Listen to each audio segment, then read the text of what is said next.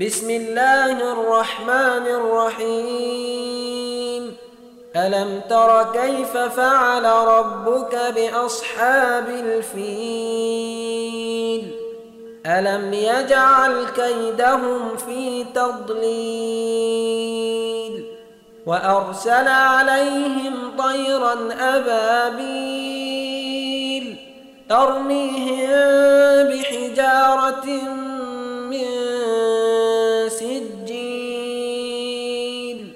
فجعلهم كعصف مأكول.